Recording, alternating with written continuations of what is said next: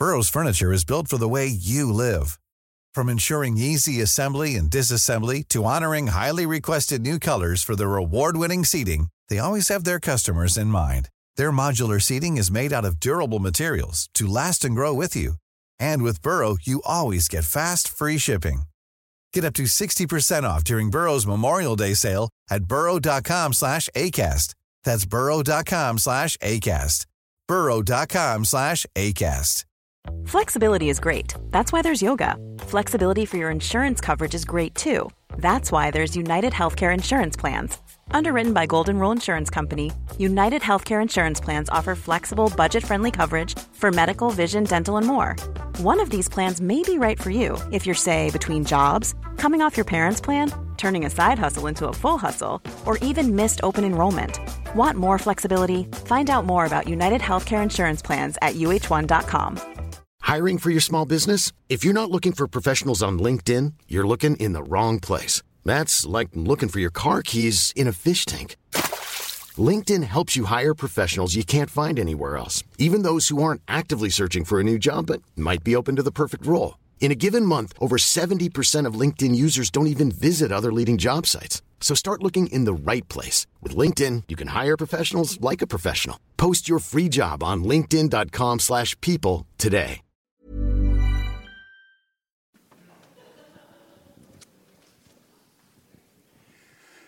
Statsråd, generaler, admiraler, kjære alle sammen. Varmt velkommen til enda et møte i Oslo Militære Samfunn. Litt administrasjon til medlemmene. Jeg håper alle har vært inne på hjemmesiden vår og sett at foredragsholder for julegilde er klar. Det er eh, professor og feiret biografforfatter Tore Rem som har skrevet et eget foredrag til oss om Olav 5., kong Olavs liv og virke. Eh, jeg var på boklansering her på torsdag som var. Han er strålende. Gled dere. Sett av den i datoen. Den datoen i boken. Varmt velkommen til Nettverk, militært kvinnelig nettverk, som vi har en god del medlemmer fra her i kveld. Hyggelig å se dere også. Og så til aftenens eh, foredrag, tema og foredragsholder. For det er jo sånn at Enkelte av de som har foredrag her, de eh, er i en sånn posisjon at de kan bruke uker, de kan gjøre ferdig foredraget uker og måneder i forveien, og foredraget er på en måte ferdig. Ikke så med aftenens foredragsholder og aftenens tema. Jeg eh, avrundet eh, forrige mandag med å selvfølgelig minne om hvem som kommer mandagen etterpå. Og da sa jeg vel noe sånn som at uh, dette foredraget tror jeg staben til utenriksministeren kommer til å fortsette å skrive på i bilen på vei ned hit. For nå skjer det mer og mer alvorlige ting i verden enn noensinne siden 1991, vil jeg påstå. Og det betyr at det er sikkert mange spørsmål og mange synspunkter også blant uh, publikum etter foredraget. Så med dette lille bidraget til å ytterligere øke byrdene så ønsker jeg utenriksminister Anniken Huitfeldt hjertelig velkommen til oss. Talerstolen er din.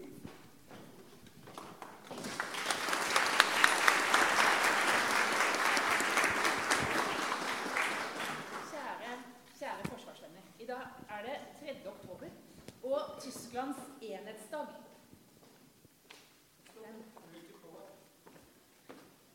Sånn. Er det dette nå? Sånn. Yes. Litt sånn ned der, så blir det kjempefint. Kjære alle sammen. Jeg tror du så at foredraget ble gjort om på bakrommet her for ca. ett minutt siden. Så det er riktig, vi, vi, skrev til siste slutt. Og i dag er det jo 3. oktober og Tysklands enhetsdag. 32 år siden Tyskland ble gjenforent. Året før så hadde vi sett Berlinmuren falle. Et delt Europa ble samlet. Optimismen og framtidstroa var sterk. Det var en brytningstid for Europa og for verden. I dag kjenner vi på det samme, en brytningstid, men med en motsatt fortegn. Det er vanskelig når man står midt i en historisk hendelse, å vite hvordan framtida ser ut. Kanskje vil vår sikkerhetspolitiske historie om 50 år deles inn i perioden 1948 1989 med kald krig, Nato-medlemskap og murens fall.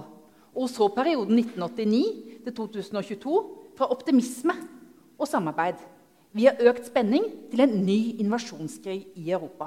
Uansett så vil 24.2.2022 bli en dato for historiebøkene. De første årene etter annen verdenskrig var også en brytningstid. Det var da framtidas sikkerhetspolitiske tilknytningsform sto på dagsordenen. En tid med flere mulige utvalg. For vår tilknytning til Nato var ikke gitt. Diskusjonen den gangen handla om sikkerhetsgarantier skandinavisk eller atlantisk. I Sverige mente man at et skandinavisk forsvarsforbund måtte være uavhengig av stormaktene, og at en implisitt sikkerhetsgaranti fra USA ja, det var nok. Forsvarsminister Jens Christian Hauge overbeviste den gangen statsminister Einar Gerhardsen om at det ikke var nok. Vi klarer oss ikke uten vestmaktene, og særlig USA, sa han. Vi måtte få 'a hook in the nose of the US Air Force', som han seinere uttrykte det. Hauge mente at trygghet ligger i en forsvarsallianse med eksplisitte garantier, ikke bare en antagelse om assistanse.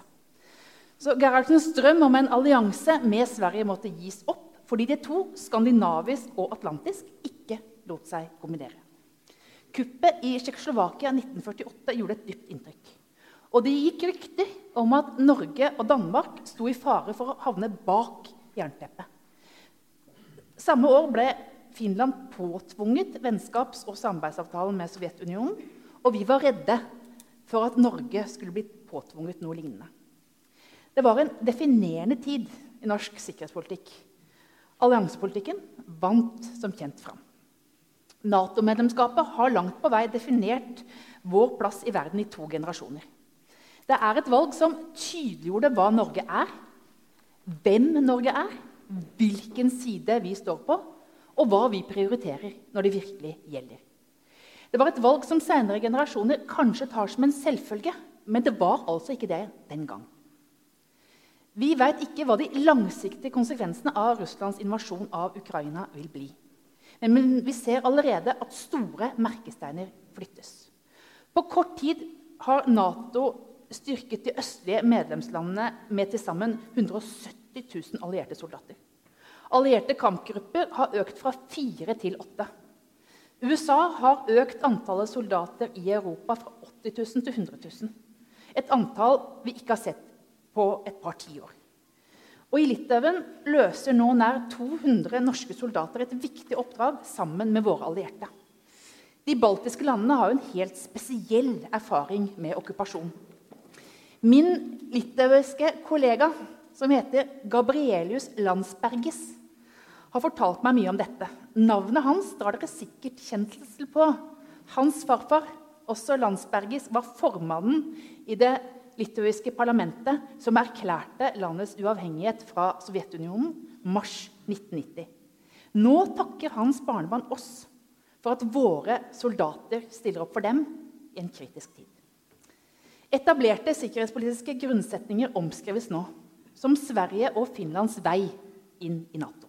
Våre to naboland oppgir en lang historie med alliansefrihet. Fordi verden har endret seg radikalt 24.2. Implisitte sikkerhetsgarantier er ikke lenger nok. Nå ser de etter noe mer enn eksplisitt garanti. Et fellesskap, og det får de i Nato. Da Putin i desember krevde at ingen flere land skulle tas opp i Nato, minnet det kanskje finnene om den såkalte vennskapsavtalen fra 1948, da Russland valgte for dem. Det kunne de ikke godta, og derfor så ble Nato svaret. Slik skrives et nytt kapittel i nordisk sikkerhets- og forsvarspolitisk historie. Så da ble det allikevel, som Gerhardsen ville, både nordisk og atlantisk. Situasjonen og de valg vi står overfor i dag, fyller meg med et stort alvor. Krig, dyrtid, energikrise. Høsten blir tøff, men vinteren kan komme til å bli enda verre. Vi føler oss truet, og energiinfrastruktur må sikres. Og det er kanskje også hensikten. Å true oss til å stanse hjelpen til Ukraina i frykt for vår egen sikkerhet. Men krigen i Ukraina handler om å trosse denne frykten. Den handler om solidaritet og troen på internasjonalt samarbeid. Som vi skal kjempe for, for de er i vår egen interesse. Dette er også perspektiver vi tar med oss i FNs sikkerhetsråd, Vår tid som medlem i Sikkerhetsrådet ble langt mer dramatisk enn forutsatt. Det var kvelden i New York da FNs sikkerhetsråd var samla 23.2 i år. Russland satt da med presidentklubba og hadde fått den fra Norge noen uker, uker tidligere. Rådet diskuterte en trussel som innebar med en russisk styrkeoppbygging ved Ukrainas grenser, og hva dette utgjorde. Også Ukrainas FN-ambassadør var til stede. I Ukraina var det da allerede morgen 24. februar. Og mens de ulike FN-ambassadørene holdt sine innlegg, så begynner altså meldingene å tikke inn. Og vår ambassadør Mona Juel måtte endre sitt innlegg rett før hun skulle snakke. Hennes innlegg var da det første som omtalte at angrepskrigen faktisk var i gang. Så situasjonen var i løpet av minutter snudd på hodet. I Sikkerhetsrådssalen sitter vi i sånn hestesko, hvor medlemslandene er plassert ved siden av hverandre i alfabetisk rekkefølge. Og I år så sitter Norge og Russland ved siden av hverandre. Russlands utenriksminister Lavrov var den første av mine kollegaer som jeg møtte rett etter at jeg ble utnevnt. I Tromsø sent i oktober i fjor så hadde vi en krevende, men også åpen og god sikkerhetspolitisk diskusjon. Det føles veldig veldig lenge siden nå. For et par uker siden var jo statsministeren og jeg i Sikkerhetsrådet. Rådet avholdt et møte om krigen i Ukraina. og Den gangen så satt Russland de satt tvers ovenfor oss. For det er et hesteskoformet bord. Lavrov ankom altså rett før han skulle snakke. Han holdt sitt innlegg der han malte ut om nynazisme i Ukraina og vestlig aggresjon. Når han hadde holdt sin innlegg, så gikk han med en gang. FNs sikkerhetsråd var ikke en arena han ville bruke til samtaler og dialog med de andre landene.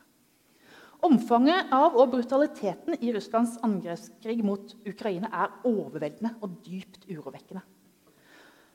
8. mai er jo jeg vanligvis sammen med mange av dere som sitter her, våre veteraner. og I år besøkte stortingspresidenten og jeg Ukraina, og det gjorde et sterkt inntrykk.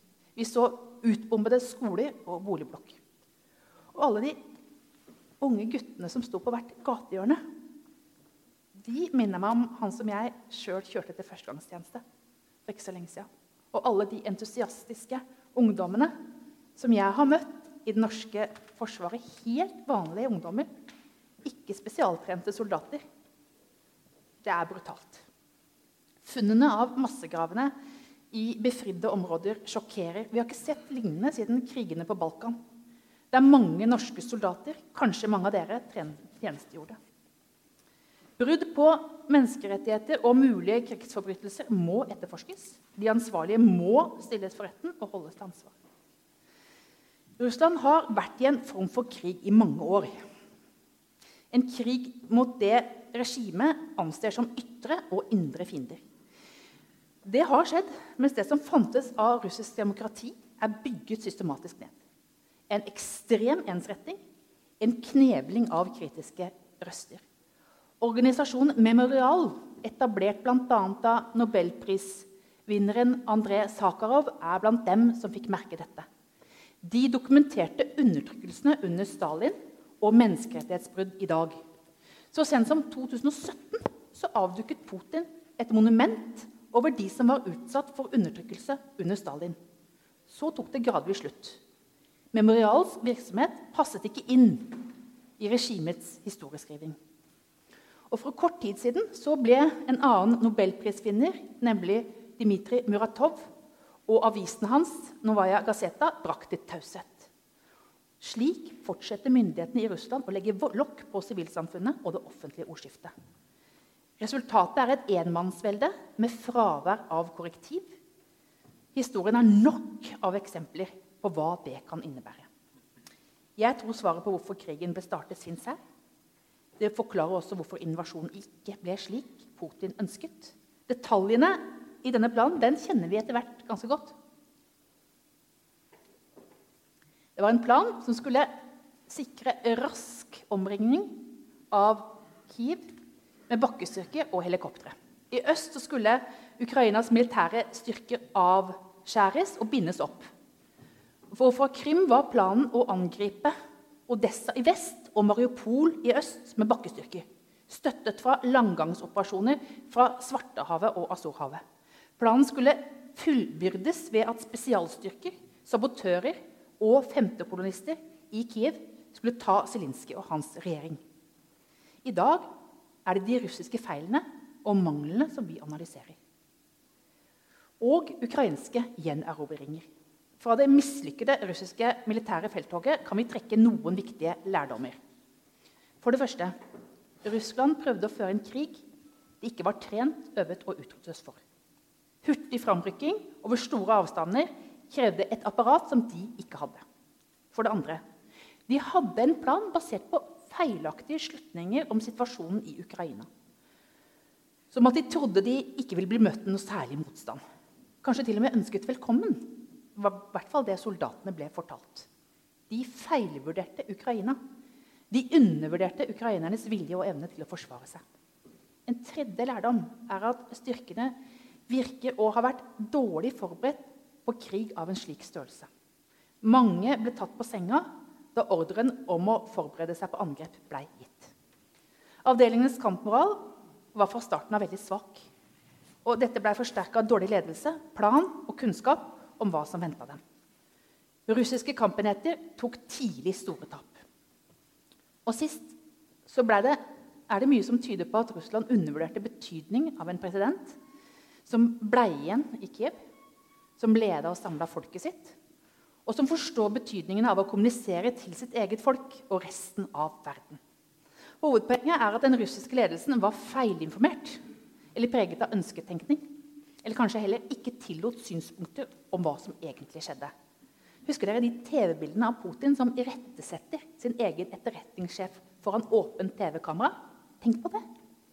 Han vil ikke høre hva sin egen E-sjef sier, og sender dermed et signal ut til alle og gir beskjed om at det som er informasjon som han ikke ønsker, det blir irettesatt. Og det er jo et veldig godt bilde på et lederskap av autoritær støpning.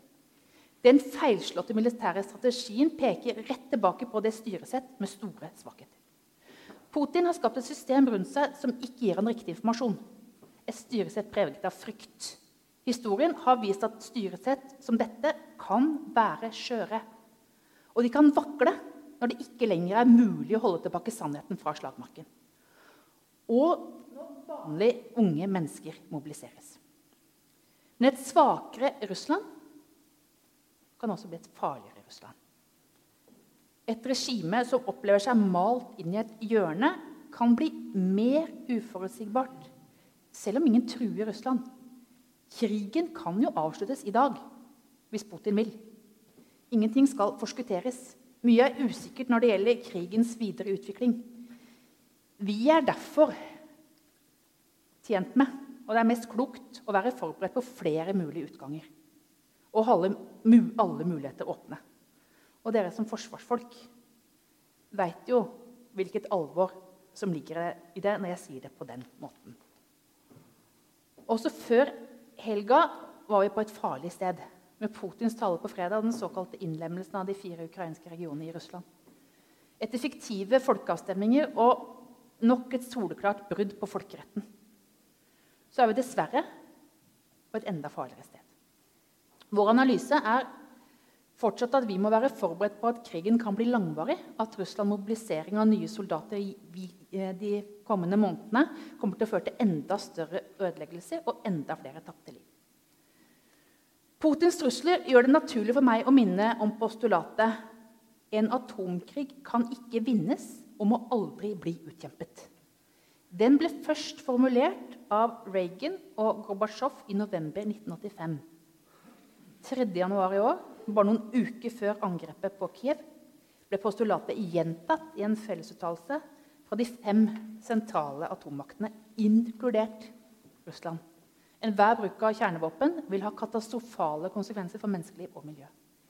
Alvoret i dagens sikkerhetspolitiske situasjon fordypes av utviklingen over flere år med undergraving og oppsigelse av sentrale avtaler om rustningskontroll og nedrustning. Og det er alvorlig. Så skal vi også huske på at En viktig del av Putins kalkyle ikke bare har forutsatt et svakt Ukraina som kollapser. I Putins verdensbilde så har de vestlige liberale demokratiene heller ingen framtid. Han mener at vi er svake, uten ryggrad og uten moral. At den liberale idé har utspilt sin rolle, sa han allerede i 2019. Jeg vil si det slik. Nå viser de vestlige demokratiene sin styrke. Vi har vedtatt historisk strenge sanksjoner på rekordtid. Vi har møtt Russlands folkerettsbrudd med brei fordømmelse. Demokratier sender i dag våpen og hjelp til Ukraina i stort tempo og i stort volum. Samarbeidet i EU er sterkere og mer effektivt enn noensinne. Nato har aldri vært mer samla og sterkere enn nå. Og det har vært en oppvisning i vestlig solidaritet og samhold. Det betyr jo ikke at vi skal slå oss til ro. Våre liberale demokratier, vårt samhold, vil bli testa. Og vi må være forberedt på slitasjer. Vår sosiale, politiske og økonomiske stabilitet den utfordres. Det politiske landskapet i dagens Europa er dessuten annerledes enn for noen tiår siden. Vi har et kontinent som er prega av sterkere polarisering. I noen land har den politiske pendelen svingt langt ut til de politiske ytterfløyene. Og vi ser tendenser til illiberale trekk i flere land. Jeg har litt langt manus, jeg forsøker å lese litt fort. Da går det litt fort. Jeg vil komme gjennom, så vi får også litt eh, tid til spørsmål etterpå. Samtidig så treffer energiknapphet og økt inflasjon et Europa som akkurat har reist seg etter pandemien. Konsekvensene av krigen treffer jo Europa hardt. Det er Putins krig som i dag gjør at europeere går en usikker vinter i møte. Hans strategi er jo så splid gjennom krise at kalde europeere med slunkne lommebøker skal glemme eller i det minste ofre Ukraina. Norge har fått en fremskutt rolle i den europeiske energikrisa. Vi er i dag Europas viktigste leverandør av gass, og norske selskaper produserer nå altså for fullt. Vi forventer en økning på 8% siden i fjor. Samtidig har vår infrastruktur for levering av gass fått økt oppmerksomhet etter sabotasjeaksjonene i Østersjøen og ytterligere tydeliggjort Europas sårbare energisituasjon i krisetider. Et stort ansvar på ligger oss, og det ansvaret tar vi. Vi trapper opp beredskapen og setter inn mer ressurser både på sokkelen og på land. Etter krigens utbrudd hindra Russland vedtak i FNs sikkerhetsråd. De la ned veto. Likevel stemte 141 land for fordømmelse da saken kom opp for generalforsamlingen. Bare fem stemte mot. Det var Russland, Eritrea, Syria, Nord-Korea og Belarus. Vi må til tross for politisk isolering av Russland erkjenne at det er strekk i feltet. Det er mange land, spesielt fra det globale sør, som ser først og fremst dette som en krig i Europa. Som mener at sanksjoner og våpenstøtte bidrar til å forlenge og forsterke krigen. Og at dette rammer dem gjennom høyere priser på matvarer og energi. Til de landene som ønsker å være såkalt nøytrale, så spør jeg ofte Tror dere virkelig på dere? Tror dere virkelig at det er nynazister nå som styrer i Kiev? Mener dere at Russland kan endre kartet ved hjelp av våpenmakt? Flere land er jo ukomfortable med å ta stilling. Og mange frykter at andre presserende kriser og konflikter blir glemt. Og det siste er vi nødt til å ta på alvor. Vi må få fram at årsaken til at særlig arabiske og afrikanske land treffes hardt av mat- og energikrise, det skyldes russisk krigføring, ikke vestlige sanksjoner. Vi må forhindre at russisk desinformasjon vinner fram utenfor Europa. Det er også viktig at vi er årvåkne overfor andre sikkerhetsutfordringer. Økte priser på energi og mat treffer de fattigste aller hardest, spesielt etter to år med pandemi. Under flyktningkrisen i Syria sa vestlige land at vi skulle hjelpe flyktninger i deres nærområder. Nå er det flyktninger i andre deler av verden som betaler fordi vi har en flyktningkrise på det europeiske kontinent. Vi kan heller ikke tillate at internasjonal terrorisme blir en blindsone i norsk sikkerhetspolitikk. For noen uker siden var jeg i Jordan, og der møtte jeg de norske styrkene i den USA-ledede globale koalisjonen mot ISIL. For fem år siden så bidro denne koalisjonen til at ISIL måtte opp i kontroll over store landområder i Syria og i Irak. Mens militære operasjoner i Libya i 2011 og i Irak 2003 førte til kritiske diskusjoner, er egentlig diskusjonen om kampen mot ISIL annerledes. Kanskje greip vi inn for seint. For det var ikke tepper eller helsevesen kurderne ba om da ISIL sto utenfor Erbil. Det var militær støtte. Og da ISIL mista sin territorielle kontroll, så gikk også antall terroraksjoner i Europa ned. Norske soldater gjorde en enorm innsats. Og jeg besøkte dem i Erbil og så hva slags jobb de gjorde der. Nå bidrar norske soldater i anti-ISIL-koalisjonen i Jordan og Irak. Norske soldater var også med på å bekjempe Al Qaida i Afghanistan. De bidro til å hindre at Afghanistan i dag er et oppmarsjområde for internasjonal terror. Den innsatsen betyr mye for sikkerheten i Norge og andre land. Så vil nok diskusjonen fortsette om vi trakk oss ut for tidlig, slik at Taliban fikk en lett match seinere, eller om vi venta for lenge og burde dratt ut av hovedmålet i hovedsak var oppnådd, og Al Qaida var bekjempa. Norske soldater gjorde uansett en formidabel jobb i kampen mot terror. Og det handler også om vår egen sikkerhet.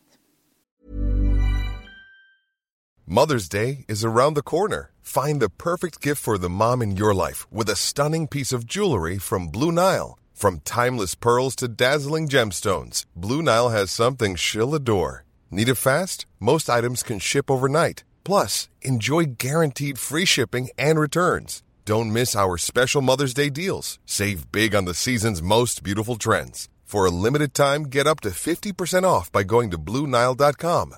That's Bluenile.com.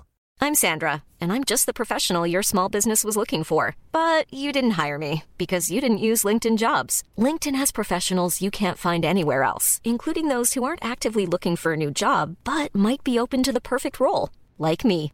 In a given month, over 70% of LinkedIn users don't visit other leading job sites. So if you're not looking on LinkedIn, you'll miss out on great candidates like Sandra. Start hiring professionals like a professional. Post your free job on linkedin.com/people today.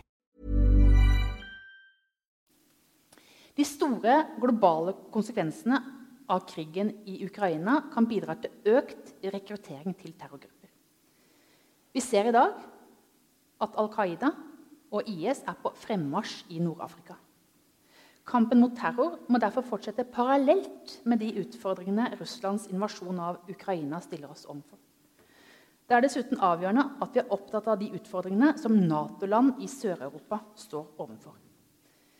I løpet av kort tid har etablerte sikkerhetspolitiske linjer blitt flytta. Det er et markant taktskifte, også her i Norge. Jeg har jo av og til siden krigen brøt ut, fått spørsmålet hvorfor kan du ikke bestemme deg raskere? Ikke vente med folkerettslige vurderinger, innføre sanksjoner raskere, skjære gjennom fort. Jeg vet jo at I samtida så blir man ofte som beslutningstaker spurt om hvor raskt man kan komme med ulike utspill. Det blir på sett og vis en konkurranse om hvem som sier det først. Hvem som var først på, som det så kjekt heter. Men jeg vet jo at ettertida vil vurdere meg først og fremst om jeg tok informerte valg. Som naboland til Russland må vi vite hva vi gjør. Trår vi feil, så kan det få alvorlige konsekvenser. Beslutningen om å donere forsvarsmateriell til Ukraina var et vanskelig valg. Og vi endra norsk våpeneksportpolitikk på ett døgn. Det var en politikk som ble stramma inn i 1959 i den såkalte Cuba-saken da Batista ble styrta og norsk ammunisjon utilsikta falt i hendene på Castro. Beslutninga vi tok i februar, ble tatt med brei støtte i Stortinget. Og jeg hadde en veldig tett dialog med min svenske og min finske kollega. Også de sto overfor de samme krevende avveiningene. Vi gir våpenstøtte til Ukraina fordi vi ikke kan sitte stille og se på at Russland angriper et fredelig naboland og fordi det berører vår egen sikkerhet. Å forsvare seg mot angrep er i tråd med folkeretten. Å hjelpe den som forsvarer seg, er også rett. Derfor skal vi hjelpe ukrainerne med å forsvare seg sjøl så lenge krigen pågår. Og vårt bidrag er betydelig. Store sikkerhetspolitiske omveltninger preger også situasjonen i noen av de landene vi samarbeider tettest med. For det første er et ny nordisk sikkerhetspolitisk arkitektur i støpeskjeen. Og det gjør oss i stand til å tenke helt nytt om sikkerhets- og forsvarspolitisk samarbeid. Fra felles planer, øvelser og trening til logistikk, materiell og totalforsvar. Norden vil være en vesentlig størrelse nå i Nato-sammenheng. Militært vil Norge gi Nato en mer robust og mer relevant verktøykasse. Til sammen har altså de nordiske landene nå 250 femtegenerasjons kampfly i beholdninga. Finsk og svensk medlemskap vil skape avklarte allianseforhold. De sikkerhetspolitiske rammene og interessene i vår del av Europa blir tydeligere. Og det innebærer større forutsigbarhet og stabilitet i nord og i Østersjøområdet. Og det vil heve terskelen, mener jeg, for militær maktbruk. Og det vil også bidra til økt avskrekking i våre nærområder. Og det er i vår interesse. For det andre gjennomgår Tyskland nå et sikkerhetspolitisk hamskifte.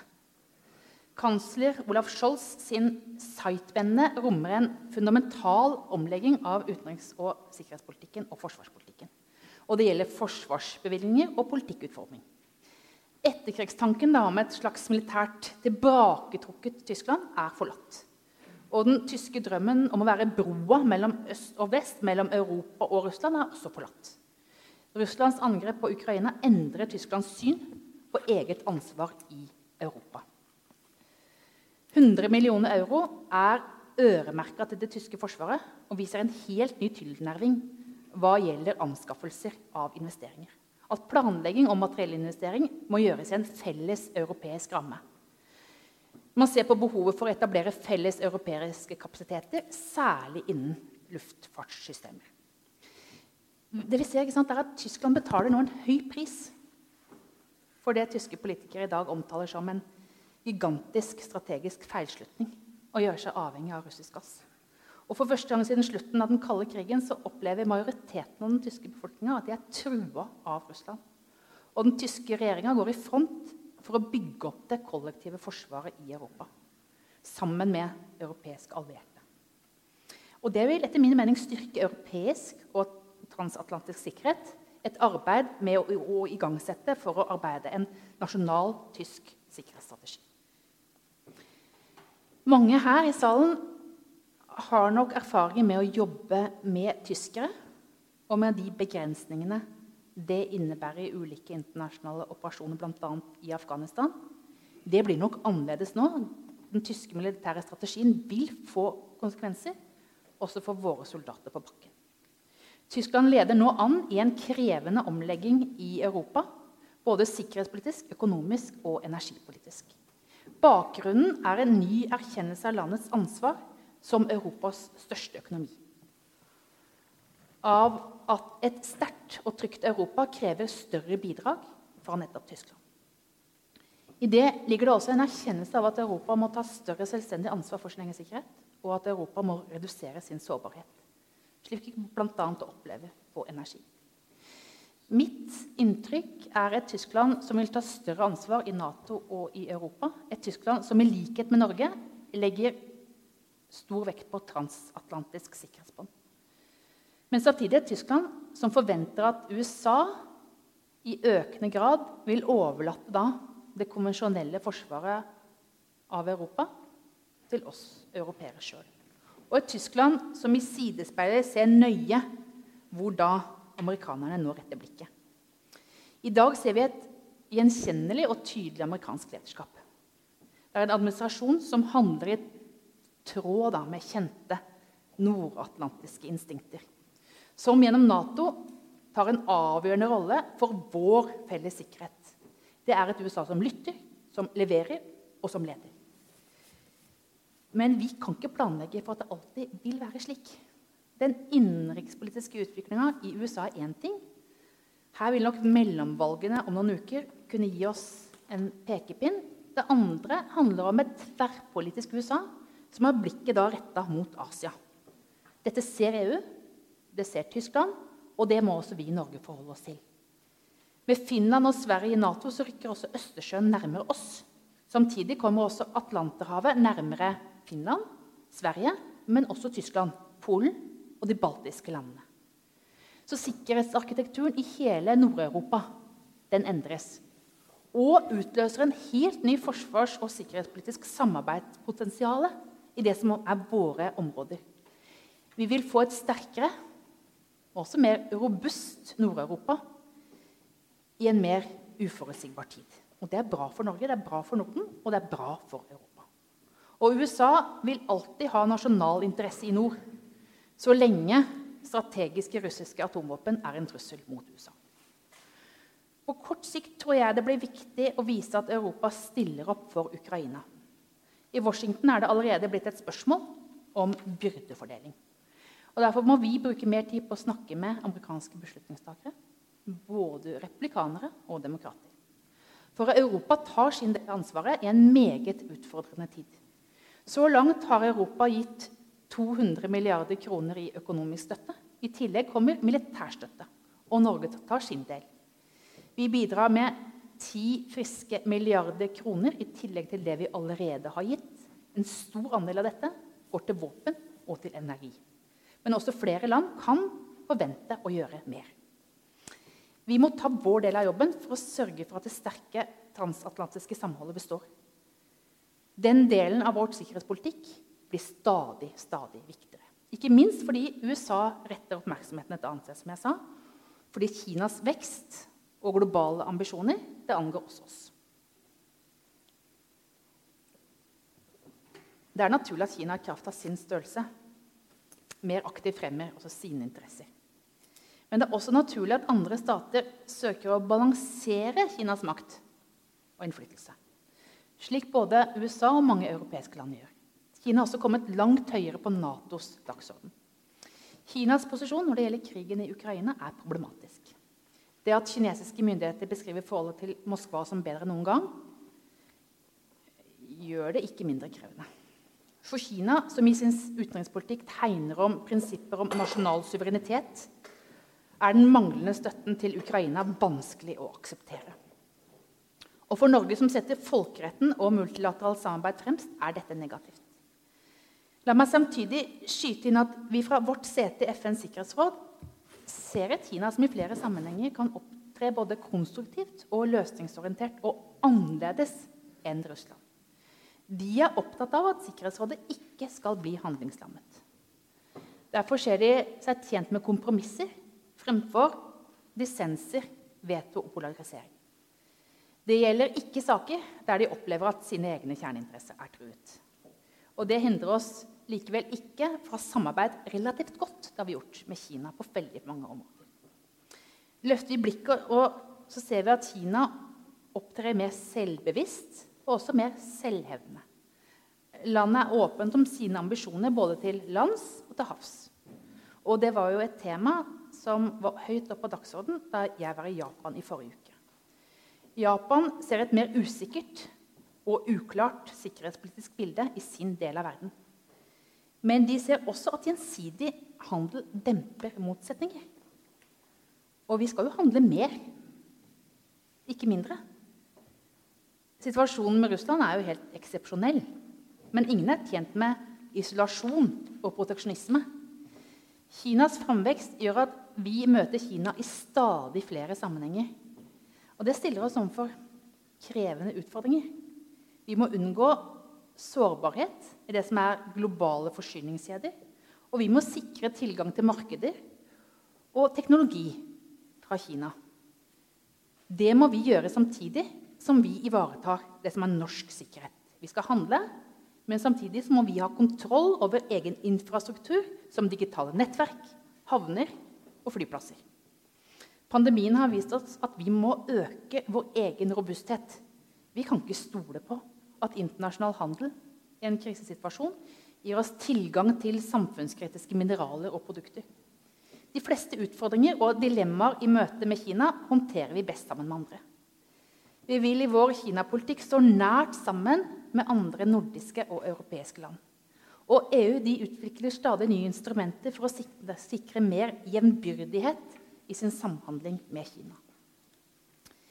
Så må vi ikke glemme at de store globale utfordringene i vår tid ikke kan løses uten Kina. Skal vi løse klimautfordringene, så må vi ha med Kina på dette. Vår politikk overfor Kina vil kombinere engasjement og samarbeid med aktsomhet og tydelig budskap om det vi er uenige om. Menneskerettigheter er et tema hvor vi har veldig ulike syn. Engasjement, dialog og direkte budskap det er stikkordet. Og Det kjennetegnet også min samtale med Kinas utenriksminister da jeg møtte han i New York for et par uker siden. Norske kjerneinteresser dere de trer jo tydeligere fram i tider som dette. Og det står enda klarere for oss hva vi har å forsvare. Hva vi har, og hva vi er. Men en tid som dette betyr også at vi må prioritere strengere. Det er jo uunngåelig. Vi må evne å ta inn over oss en ny strategisk virkelighet. Forholdet til Russland er jo fundamentalt endra. Samtidig tvinger vår geografi oss til å gjøre noen vanskelige avveininger. Det har vi gode erfaringer med fra andre utfordrende perioder i vårt naboskap. Og jeg er trygg på at vi klarer det også nå. Men dere, vi må være forberedt på tøffe tider. Vi skal bevare det som er viktig for oss. Vi skal trygge norske interesser i nord og i havet. Vi skal sikre våre ressurser, og sammen med våre allierte skal vi ivareta Norges sikkerhet i den situasjonen vi nå står midt oppi, med økt spenning. Vår sikkerhetspolitikk skal fremdeles være basert på avskrekking og beroligelse. Men disse størrelsene må jo rammes inn i en ny strategisk virkelighet. Vi får to nye Nato-medlemskap som i stor grad tenker som oss da, i forhold til Russland. Og vi skal være forutsigbare. Russerne skal vite hvor de har oss. Nato utgjør ingen trussel mot Russland, og det vet Putin. Nato-toppmøtet i Madrid peker ut en riktig kurs. Alliansens nye strategiske konsept slår fast at kollektivt forsvar er det oppgave nummer én. Og at det er full oppslutning om en troverdig og robust artikkel 5 i Atlanterhavspakten. Vi er også tilfreds med at konseptet fremhever nordområdene og Atlanterhavets strategiske betydning. Selv med Sverige og Finland i Nato vil Norge være porten mot Atlanterhavet i nord. Vår kystlinje muliggjør alliert forsterkning i krise og krig, også av Sverige og Finland. Derfor er jeg glad for at maritim sikkerhet og navigasjonsfrihet står høyt på dagsordenen i Nato og i det strategiske konseptet. Vi trenger en sømløs overgang mellom nasjonal kapasitet og alliert støtte og bistand. Det krever at vi øver og trener med allierte i fredstid. At planverk og infrastruktur er der på forhånd, ikke etter at krisa er et faktum. Norges bilaterale samarbeid med USA har alltid vært viktig. Nå styrker vi dette. Tilleggsavtalen om forsvarssamarbeid er veldig viktig for norsk sikkerhet, og den er jo nettopp vedtatt. Og det gir flere sikkerhets- og forsvarspolitiske støttepunkter. På 1990- og 2000-tallet ble jo mye av den allierte infrastrukturen som vi hadde i Norge tidligere, den ble avvikla. Men vi trenger infrastruktur for å kunne motta forsterkninger. Forsterkningspolitikken og alle dens elementer, øving, trening, forhåndslagring, infrastruktur Det skal vi nå få på plass. Også det er en linje vi kan spore tilbake til Jens Christian Hauge. At alliert tilstedeværelse og nærvær vil sikre bedre kunnskap om norske forhold. Målet er jo hele tiden den samme forsterkning i krise og krig, ikke permanent nærvær. Kjære alle sammen. Epoken vi står overfor, har ennå ikke noe navn i historiebøkene.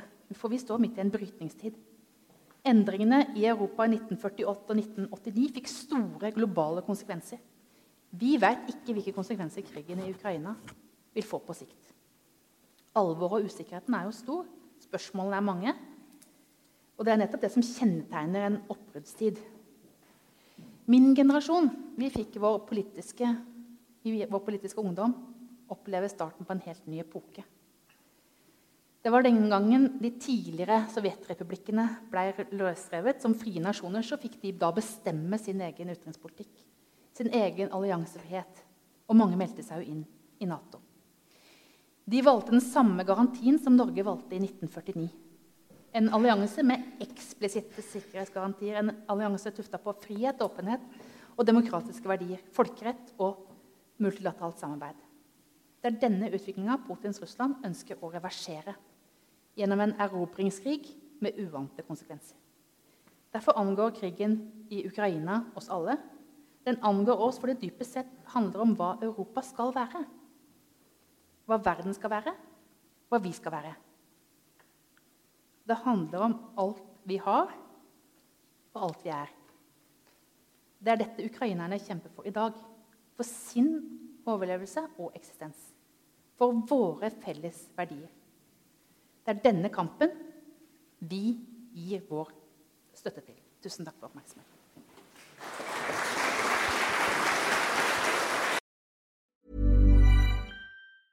Mom deserves the best, and there's no better place to shop for Mother's Day than Whole Foods Market. They're your destination for unbeatable savings, from premium gifts to show-stopping flowers and irresistible desserts. Start by saving 33% with Prime on all body care and candles. Then get a 15-stem bunch of tulips for just $9.99 each with Prime. Round out Mom's menu with festive rosé, irresistible berry chantilly cake, and more special treats. Come celebrate Mother's Day at Whole Foods Market.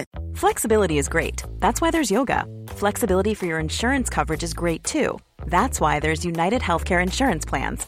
Underwritten by Golden Rule Insurance Company, United Healthcare Insurance Plans offer flexible, budget friendly coverage for medical, vision, dental, and more. One of these plans may be right for you if you're, say, between jobs, coming off your parents' plan, turning a side hustle into a full hustle, or even missed open enrollment. Want more flexibility? Find out more about United Healthcare Insurance Plans at uh1.com. Planning for your next trip? Elevate your travel style with Quince. Quince has all the jet setting essentials you'll want for your next getaway, like European linen, premium luggage options, buttery soft Italian leather bags, and so much more. And it's all priced at 50 to 80% less than similar brands. Plus, Quince only works with factories that use safe and ethical manufacturing practices. Pack your bags with high-quality essentials you'll be wearing for vacations to come with Quince. Go to quince.com slash trip for free shipping and 365-day returns.